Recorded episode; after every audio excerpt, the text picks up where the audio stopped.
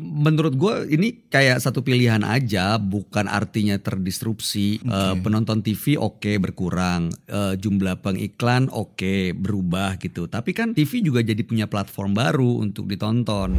Tapi sejak macet lagi dan eh, pandemi tuh jumlah pendengar radio naik. Oh ya. Ya, karena di rumah orang butuh hiburan eh, dan mungkin bisa Bosan sambil dengan Spotify-nya atau Ya. dengan playlistnya. bisa sambil baca, bisa sambil ngerjain yang lain, bisa sambil masak-masak gitu ya. Eh, jadi ya denger radio yang ada elemen of surprise-nya kan. Kalau lo denger platform musik, lo pilih lagu-lagunya, playlistnya apa, lo udah tahu. Iya, Tapi iya. kalau denger radio kan, wah ada lagu ini gitu. Elemen surprise-nya tetap berasa. Itu yang bikin radio nggak akan ditinggalin sama pendengarnya. Broadcast. Bernas, luas, dan tuntas. Powered by Bisnis Indonesia. Halo sobat bisnis, kita berjumpa lagi di broadcast podcastnya Bisnis Indonesia dan di episode kali ini kita akan ngobrol-ngobrol santai bareng sama salah satu hmm, bisa dibilang public figure yang juga sekarang sudah punya arah baru nih. Kita nggak akan fokus eh, ngobrol tentang politiknya juga, tapi kita eh, lebih ke cerita-cerita aja kali ya, lebih santai aja ngobrol-ngobrol gitu. Kita sudah kedatangan Bayu Oktara di Halo sobat bisnis, halo Ganang. Halo Mas Jadi Bayu. bisnis itu ya. Yang penting gimana caranya supaya kita cuan cuan cuan cuan cuan cuan. Betul. Udah selesai obrolannya. Baru pertama kali ya datang ke sini ya. Baru pertama kali. Bagus tuh di lo bro. Broadcast. Kenapa namanya broadcast? Jadi eh, waktu itu tuh bingung ya mau kasih nama apa gitu. Heeh. Yang berhubungan dengan bisnis, duit, Oh cash. cash. Iya. Jadi broadcast. Ah tapi kan ada broad credit. Hah? Emang ada ya? Kredit ada juga dong. Enggak ya? Kan berhubungan dengan bisnis. Agak aneh tapi broad credit. Iya bener. Mas Bayu gimana sibuk apa sekarang Mas Bayu? Eh, sibuk eh, yang pasti di media on air udah enggak kayak semacam radio, TV, TV masih ada satu tapi kadang ada kadang enggak. Maksudnya ya kadang syuting kadang enggak karena satu dan lain hal. Eh, tapi kalau off air dan juga podcast podcast sama klien masih jalan. Oke. Kurang dekat ya? Kurang dekat. Nah, eh segini aja. Ya udah dekat banget. Sorry, sorry, sorry, sorry. Segini. ya. Kebetulan dulu gue juga eh, pendengar radio, penikmat radio juga. Lo produser radio kan? Alumninya sama juga dari Sarina juga kan. Oh iya dari Sarina gue dagang batik gue Lo apa? Lantai dua Saya pembelinya. Bener Gimana dengan eh, karirnya di radio? Kenapa akhirnya memutuskan buat cabut di 2022 kemarin? Eh, Pertama kali gue mau siaran radio Itu gue kebayangnya adalah punya pekerjaan yang gue bisa punya banyak temen Terus gue punya waktu buat teman-teman gue Oke. Terus gue mengerjakan hal yang gue suka. Yaitu gue seneng tampil, gue seneng ngomong, gue seneng cerita. Radio. Nah jadi gue jalanin sekian lama Berapa lama tuh? eh, 25 tahun ya? Dari tahun 96 Nah di tahun 2022 dengan ups and downs-nya gue ngerasa kayaknya memang em, setelah selama ini sering menemani pendengar radio dan merasakan beberapa hal kegelisahan yang mereka alami kayaknya gatel juga gue untuk bisa menggaruk kegelisahan itu dengan cara apa yang gue bisa. Jadi gue pikir sekarang saatnya bukan gue meninggalkan radio, Oke. tapi gue masuk ke dunia baru. Jadi bukannya moving on, tapi moving forward. Akhirnya itu harus membuat gue memutuskan berhenti dari radio. Selain masuk ke dunia yang arah baru yang gue bilang itu di dunia politik, gue juga membangun perusahaan, bangun kantor sejak Oh, oke. 2016 yang nggak jalan-jalan. Ya jalan tapi kadang ada kadang enggak gitu. Jadi perlu fokus kan, perlu hands on. Akhirnya ya udah terpaksa gue putus dengan pacar pertama gue. Radio. Jadi pacar pertamanya radio. Saksi banyak hal, Bro. Radio itu dari kebusukan-kebusukan juga dia tahu. Gila lu. Ya ya, ya. mungkin eh, tapi selain radio juga kalau dulu gue inget banget tuh kalau Bayu Oktara tuh identiknya sama OB Office Boy. Iya. Itu gimana sih ceritanya awal? Kenapa bisa ada dari si penyiar radio langsung ke TV dan sitkom gitu? Penyiar radio itu kan hak punya keinginan tampil untuk mengembangkan Oke. karirnya. Karir path-nya kan bukan dari junior jadi Ya. senior, supervisor nggak gitu kan. Tapi mengembangkan karirnya kan eh, di TV di media lain. Nah, TV itu waktu itu ya biasalah sebenarnya cerita klise. Gue datang casting untuk satu program acara musik, tapi sambil lagi nunggu jalan-jalan ke eh, ruangan sebelah ada orang talentnya yang bilang, eh lo dilihat dari atas sampai bawah ikut casting di sini pilih karakter. Loh, gue lagi casting di ruang sebelah mbak. Udah nggak apa-apa. Fotonya ada nggak? Ada, cuman satu. Udah lo sana nggak akan terima. Lo nih di sini lo pilih karakternya apa ya udah gue pikir sialan nih orang udah yakin banget gue gak keterima jadi pembawa acara musik. Itu cikal bakalnya eh, dahsyat. Oh. waktu itu. Terus gue pilih karakter casting. Waktu itu castingnya adalah sebagai Sayuti bukan sebagai Gusti. Karena Gusti Oke. itu nggak ada. Jadi gue sebagai Sayuti setelah itu udah main casting dipilih lagi tim intinya terus eh, baru ditelepon kita bikin karakter baru nih eh, ya namanya Gusti gini gini gini gini. Ya udah akhirnya jalan itu syuting setiap hari tapi gue nggak mau. Stripping? Eh, stripping. 800 episode 4 tahun eh, itu gue tetap nggak mau ngelepas radio. Dari siaran lima kali empat kali sampai satu kali disuruh lepas juga gue nggak mau. Gue bilang sorry banget bos mohon maaf nggak bisa karena gue ngerasa radio itu adalah perahu gue menuju banyak pulau Oh, iya. jadi eh, alat gue untuk bertemu dengan banyak kesempatan Akhirnya ketika di TV itu apa yang lu rasain? Maksudnya Hmm, kan itu sesuatu yang baru ya maksudnya dari radio terus tiba-tiba ke TV stripping lagi. hmm. ya merasa ganteng banget lah banyak duit stripping bos Di zaman itu lagi. di ya? zaman itu lagi gila loh ya alhamdulillah ada wah, itu sebenarnya bukan pertama kalinya gue ke TV sebelumnya gue Oh. jadi pembawa, pembawa acara acara infotainment sama Olin Mendeng yang jadi Susi. Makanya begitu ketemu di OB kita pernah kerja bareng sebenarnya.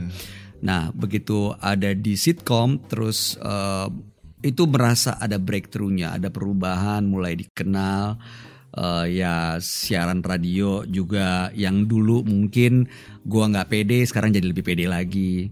Eh, terus mulai suka banyak yang misalnya negor ngajak foto di jalan di daerah ngerasain dicubit sama di- sama ibu-ibu digaplok sama orang yang kesel sama gue ya eh, itu bagian yang dilewatin sih dijalanin.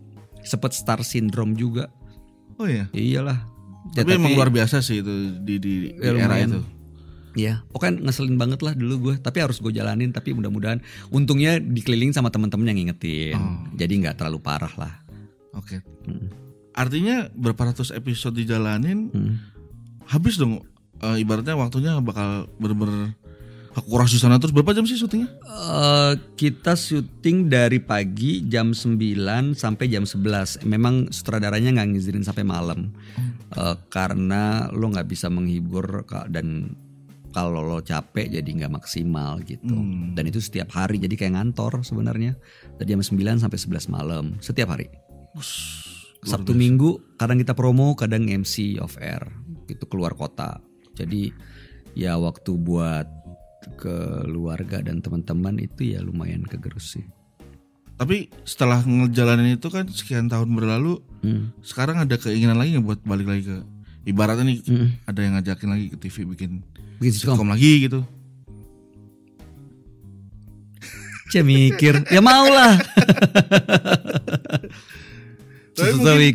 Tapi mungkin sekarang lu ngerasa gak sih mas eh, eranya udah mulai geser semua nih radio, TV udah Hmm. masuk ke digital semua. Lalu ngeliatnya kayak gimana tuh? Iya, menurut gue ini kayak satu pilihan aja, bukan artinya terdisrupsi. Eh, penonton TV oke berkurang, Eh, jumlah pengiklan oke berubah gitu. Tapi kan TV juga jadi punya platform baru untuk ditonton. Kalau dulu orang harus ada di rumah atau di kantor atau di satu tempat, sekarang bisa di mana aja. bisa di mana aja. Yang penting bagaimana stasiun TV bisa memanfaatkan platform digital ini aja. Apalagi radio sih sebenarnya yang paling kerasa sekarang ya. Iya, tapi sejak macet lagi dan eh, pandemi tuh jumlah pendengar radio naik. Oh ya. Ya, karena di rumah orang butuh hiburan eh, dan mungkin bisa Bosan sambil dengan Spotify-nya atau Ya. bosan dengan playlistnya. bisa sambil baca, bisa sambil ngerjain yang lain, bisa sambil masak-masak gitu ya. Eh, jadi ya denger radio yang ada elemen of surprise-nya kan. Kalau lo denger platform musik, lo pilih lagu-lagunya, playlistnya apa, lo udah tahu. Iya, Tapi iya. kalau denger radio kan, wah ada lagu ini gitu.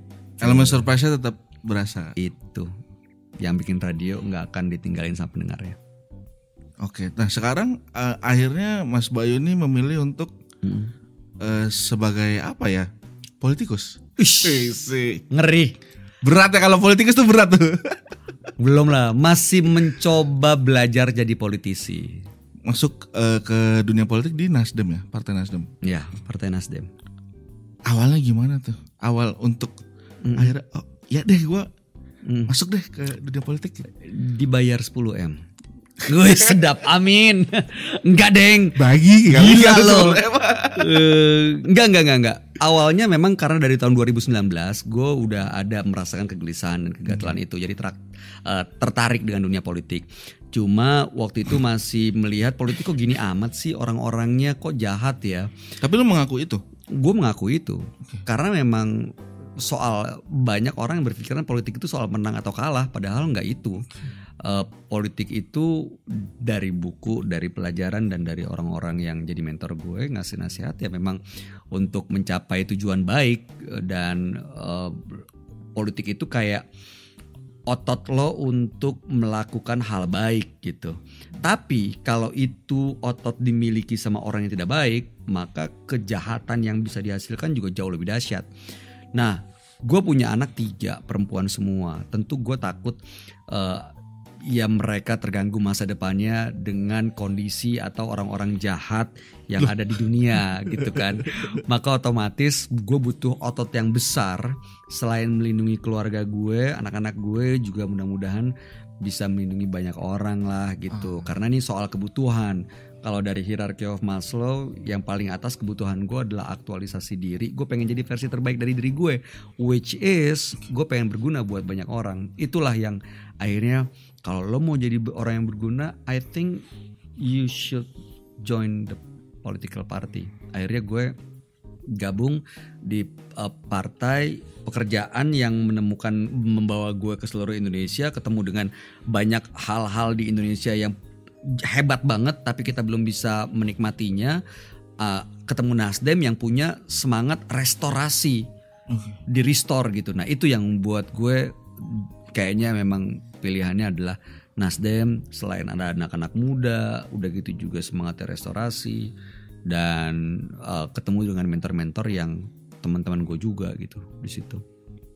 Tapi bukannya eh, kalau tadi lu bilang sesuatu hal yang Hmm. sesuatu cara untuk eh, kayak ngelindungin eh, Hmm. anak-anak lu terus juga eh, jadi sesuatu yang lebih berguna bukannya hal itu udah terpenuhi ketika lu jadi penyiar radio atau mungkin eh, waktu lu di OB juga udah m- menghibur kan sebenarnya udah menghibur orang lain kan artinya Ya. udah udah udah ada hal yang eh, bermanfaat juga kan buat orang lain Ya. itu udah terpenuhi sebenarnya Ya itu dia. Kalau sebelumnya mungkin balik lagi ke teori kebutuhan itu, piramida kebutuhan itu em, menjadi versi terbaik saat itu mungkin belum versi terbaik yang gue bayangkan. Kalau dulu mungkin bisa berbuat untuk 10 orang, ternyata harusnya 100 orang. ada yang lebih banyak lagi yang bisa Iya dan it- dan itu butuh otot yang lebih kuat. Oke. Ada target sendiri gak sih ketika lu masuk? Mm. Oke, gue masuk politik, tapi Mm. gue pengen nanti jadi si ini gitu. Ada nggak? Ke- kepikiran gak sih? Jadi si ini tuh orang maksudnya. Iya, maksudnya ya, ya ibaratnya jadi kayak Pak Jokowi gitu, jadi presiden. Wah lo gila. Tapi gue dulu pernah loh ngobrol-ngobrol ngobrol-ngobrol nongkrong gitu ya eh, di warung kopi zaman gue masih di Bandung. Gue gue pengen ini Indonesia begini begini. begini. Gue pengen jadi presiden loh. Gitu. Kan ah, hal-hal kayak gitu tuh bisa aja muncul kan kepikiran aja. Ah udah biar Aldi Taher aja lah yang itu. Tapi kemudian ketika lu milih politik eh, yakin terjun dan Hmm. eh, artinya lu tahu segala macam eh, resikonya, terus juga eh, tantangannya. Ya. Apa yang kemudian eh, jadi strategi lu nih untuk maju dan masuk dan gue bisa nih. Ya pertama yang gue punya adalah ide dan gagasan dan juga harapan dan pastinya komitmen. Itu yang membuat gue eh, apa pun halangan yang ada di depan ya hajar terus karena ini komitmen bukan hobi. Kalau hobi gue kerjain saat gue sempet, saat gue lagi punya waktu gitu. Tapi ini komitmen jadi nggak selamanya memang manis-manis aja. Eh, ada hal-hal yang nggak menyenangkan, ada hal baru yang aneh banget. Kalau temen deket gue sama istri gue sih udah tahu banget kalau gue udah udah kusut banget pasti mereka ngasih waktu eh, ngasih ruang gitu ya untuk gue bisa nyumpahin semuanya terus kontemplasi mikir.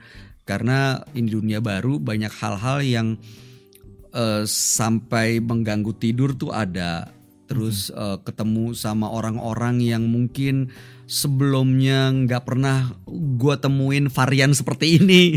Ternyata ada gitu ya Eh, jadi eh, yang gue punya karena komitmen itu akhirnya gue terus belajar. Minta arahan dari mentor minta masukan dari orang-orang yang gue anggap para senior senior ini dan terus berproses untuk belajar berpolitik. Karena buat gue politik ini bukan cuman pemilu di 2024 tapi ya seterusnya ini karir dan jalan yang gue pilih.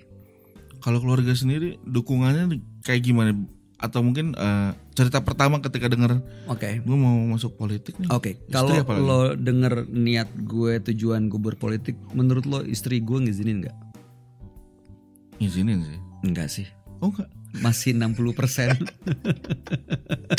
Terus lu gimana ketika istri lu masih yakin kayak gitu? Gue tanya alasannya kenapa cuma 60% Ya dia bilang, ya lo buktiin dulu dong Emang emang segampang gue boleh pergi atau enggak Gue boleh nongkrong sama temen gue apa enggak Gue boleh ganti kerjaan atau enggak Bukan, ini kan dipengar, dipeng- yang dipertaruhkan Waktu lo buat anak-anak, buat Iya. keluarga Udah gitu lo juga bisa ketemu banyak hal termasuk hal-hal yang menyeramkan karena banyak juga terbukti yang akhirnya kepleset Ya. Terus lo juga pengaruh buat dapur enak aja lo jatah gue mau liburan lebaran jajan apa segala macam gimana Eh, ada pengaruhnya jadi eh, dia minta gue untuk membuktikan dan gue nggak minta itu dari dia tapi gue minta waktu untuk bisa supaya dia ngelihat sendiri Oke.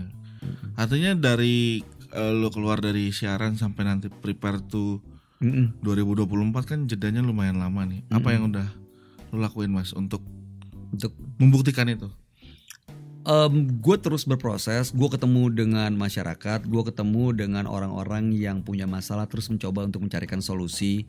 Terus gue eh, beberapa kali mengajak dia ngobrol soal politik, walaupun kadang-kadang dia nggak tertarik dan bahkan nggak ngerti gitu ya. Tapi gue coba ajak dia untuk sedikit-sedikit eh, bisa mengerti bahwa ini adalah dunia baru dan gue ini menjalankan ini dengan sepenuh hati dan sepenuh jiwa. Tapi sebenarnya lu ada basic untuk politik kan maksudnya kayak kuliah. Dulu kan gue atau- S1 di komunikasi, ilmu komunikasi itu kan ada komunikasi politik, terus ah, ya namanya FISIP ya bro. Jadi belajar politik sedikit-sedikit, tapi nggak mendalami. Waktu di dunia marketing di S2 juga gue nggak nggak ya ada komunikasi atau perilaku organisasi ada tapi kan gue nggak nggak mendalami politik. Akhirnya waktu gue sebelum memutuskan politik gue beli banyak buku politik. Hmm, untuk memantapkan memantapkan dari mu ya dari hal-hal dasar sampai hal-hal yang kekinian lah. Jadi gue belajar Machiavelli apa segala macam yang internasional yang global sampai yang Indonesia. Politik. Tapi lu setuju gak sih? Karena eh, gue ngeliat track record lu sebagai penyiar terus eh, public figure. Hmm.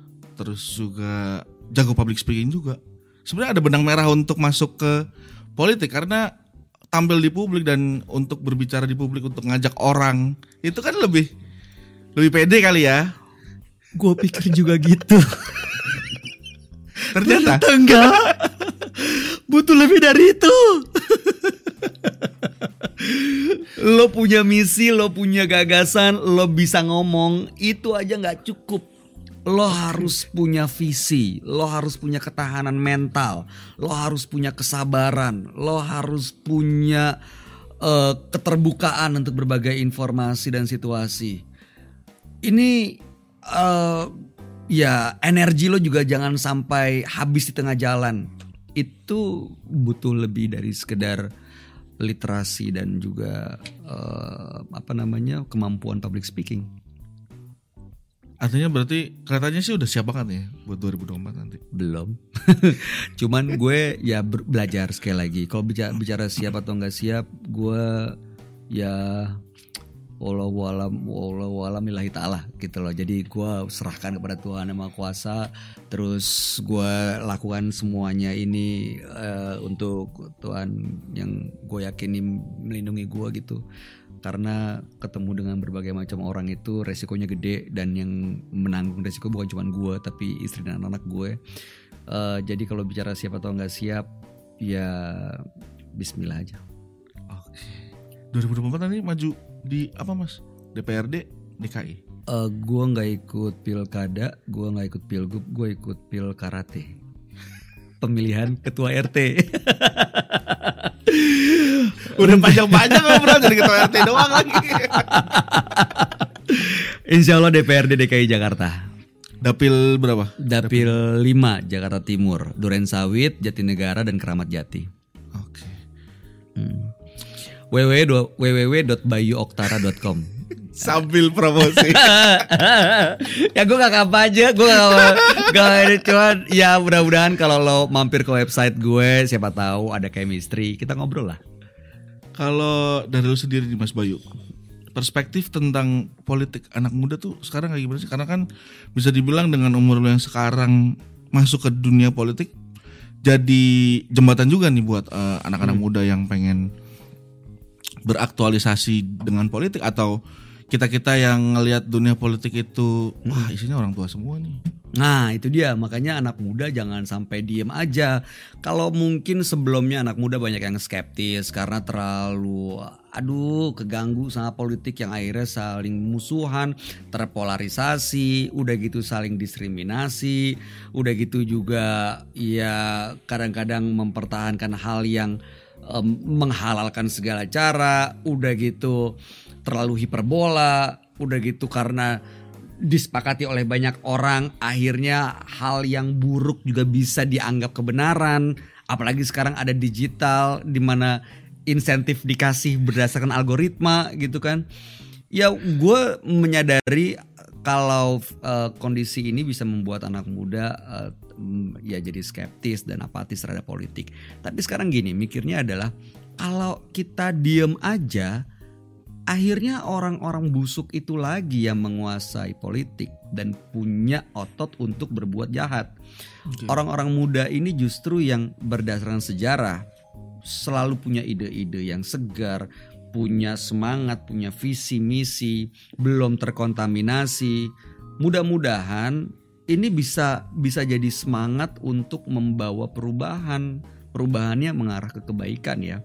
Dan ini butuh anak muda untuk bisa peduli politik. Ya, kita pasti menginginkan dan kangen suasana pemilu, suasana politik yang santai, yang damai, yang rukun gitu ya, nggak musuhan. Gara-gara beda pilihan, lu jadi nggak punya kerjaan gitu. Gara-gara beda pilihan, lu jadi keluarin dari WhatsApp grup atau gara-gara beda pilihan, gue jadi ngomongin lo di belakang. Kan males kayak gitu kan. Nah makanya mudah-mudahan ke depan ini akan terus ada perbaikan sehingga politik kita akan lebih menyenangkan dan untuk bisa sampai ke sana butuh anak muda. Oke. Artinya ketika lu terjun eh, salah satu visi lu sendiri adalah mewakili anak muda. Iya, karena gue yakin anak-anak muda ini punya energi yang luar biasa, punya ide-ide yang luar biasa. Makanya yang mau gue lakuin dan gue perjuangin saat ini adalah pendidikan dan pekerjaan berkualitas. Karena gue yakin anak-anak muda gitu ya, pingin punya pendidikan sesuai dengan minat dan kemampuannya dan bakatnya dan pengen punya pekerjaan berkualitas untuk mencapai tujuan finansialnya. Makanya itu yang gue perjuangin buat anak muda supaya kita bisa membawa bangsa ini lebih baik. Amin. Amin amin amin. Hmm. Terus kalau ngomongin politik dan anak muda nih sebenarnya eh, apa ya? Satu hal yang keterkaitan yang lekat banget ya kayak kalau kita bicara masa lalu ada 98 ya yang eh, di di era itu anak muda semua. Apakah di era sekarang menurut lu kekuatan anak muda sebegitu besar juga dan sanggup untuk ibaratnya untuk eh ya kayak Bung Karno bilang lah, kasih aku pemuda, Mm-mm. aku akan mengubah dunia. Realistis gak sih di zaman sekarang untuk Indonesia terutama? Waktu reformasi 98 gue termasuk salah satu yang ikut-ikutan demo. Jadi ikut-ikutan gue bilang karena pagi demo malam disco. Waktu itu. Mantap. iya. Tapi habis itu demo lagi besoknya. Eh, tapi yang kita perjuangkan adalah waktu itu kita pengen demokrasi yang mapan. Itu yang kita sepakat soal itu. Walaupun caranya ya eh, mungkin aduh capek gue makan nih pulang dulu gue capek dulu ya. Eh, nah eh, itu kita nggak punya ada seperti satu orang Bung Karno atau Bung Tomo yang di depan yang menggerakkan kita semua enggak tapi semua bergerak bersamaan karena ada kegelisahan yang sama gua rasa kalau anak muda sekarang terbuka nggak apa namanya nggak cepat puas dengan apa yang dia punya terus masih ada kepedulian eh, dengan lingkungan sekitarnya ya gua rasa tanpa harus ada satu tokoh pun anak-anak muda ini bisa punya visi dan mimpi yang sama untuk bergerak lebih jauh lagi. Kalau gua rasa sih sekarang bagaimana kita nggak terlalu egosentris lah mikirin cuma diri sendiri. Kita ngobrol kita ketemu sharing. Jangan kalau lo beda pendapat beda pilihan aku udah males ngobrol sama lo ah, gitu. Jangan kan sederhana soal kerjaan deh. Menurut gue kerjaan lo jelek kurang men gitu. Terus ya udah gue nggak mau ketemu dia lagi ya gue kalau ketemu dia diremehin mulu nggak diajak ngobrol. Gitu kan karena lo diskriminatif karena lo mendiskriminasi orang yang beda pandangan terhadap lo. Jadi nggak nyaman lagi. Kalau zaman dulu kan ya lo beda ya udah santai oke gitu. Apalagi nggak ada sosial media. Nah sekarang mudah-mudahan sih sosial media ini bisa dipakai untuk justru malah merekatkan komunikasi lebih baik. Nggak ada perpecahan kadrun cebong kampret apalah segala macam justru anak muda tuh yang bisa mencegah itu masih ngomong hari gini soal PKI aduh please deh. Come on dude. Udah deh. Sekarang gimana caranya? Lo punya karya yang bisa lo banggain dan ini bisa ngasih inspirasi buat banyak orang. Oke oke oke. Terakhir, jangan dong. Kangen siaran gak lu? kangen ini makanya gue gak berhenti berhenti kadang-kadang ya begitu ada satu fenomena. Dulu tuh zaman siaran begitu ada satu kejadian gue langsung tahu wah ini seru nih. Ada banyak yang Jadi bahan. besok jadi bahan kayak kemarin gitu anak gue abis wisuda udah gitu anak gue yang gede punya gambar gede gambar bagus gitu ya. Gue tuh kangen pengen gue ceritain semua karena biasanya banyak banget bahan untuk diomongin. Tapi ini siaran radio siapa nih yang bisa gue pinjem? Nggak ada. Tapi ya sudah. Tapi ada yang nawarin dong. Ada, tapi ya karena sudah komit untuk masuk ke dunia yang baru, ya ya ya yang ngelihat spion kan supir. kita kan duduk di kiri, jadi kita nggak usah lihat spion, lihat ke depan aja. Bakal balik lagi kali ya nanti. We never Once. know. Ne we never know. Never say never. Oke, lu dong bikin radio, jadi gue siaran di radio lo. Ini broadcast FM ayo. Kebalik. Ah, sorry. Kebalik. Gue radio. Ntar gue ikut. Lah ini yang bikin podcast ini siapa? Hah? Yang podcast ini siapa nanti hostnya? Ya nggak apa-apa double. Uh. Thank you Mas Bayu buat ngobrol-ngobrolnya. Gadang, thank you. Semoga sukses di dunia politiknya, di dunia barunya. Amin. Semoga dapat ya dapat banyak hal baru ya. Dan semoga eh, sobat bisnis juga dari ceritanya Mas Bayu tadi mungkin kalau sobat bisnis ada yang kepikiran buat em, lompat dari satu industri ke industri lain, Mas Bayu ini ceritanya tadi lumayan menginspirasi untuk ketika lo mau pindah tuh jangan ragu. Mm-mm, mm. Ada hal-hal yang eh, ada tantangan baru, ada hal-hal baru yang akan lo jalanin lagi yang lo nggak tahu nanti ke depannya kayak gimana tapi yakin aja dulu. Nah itu dia.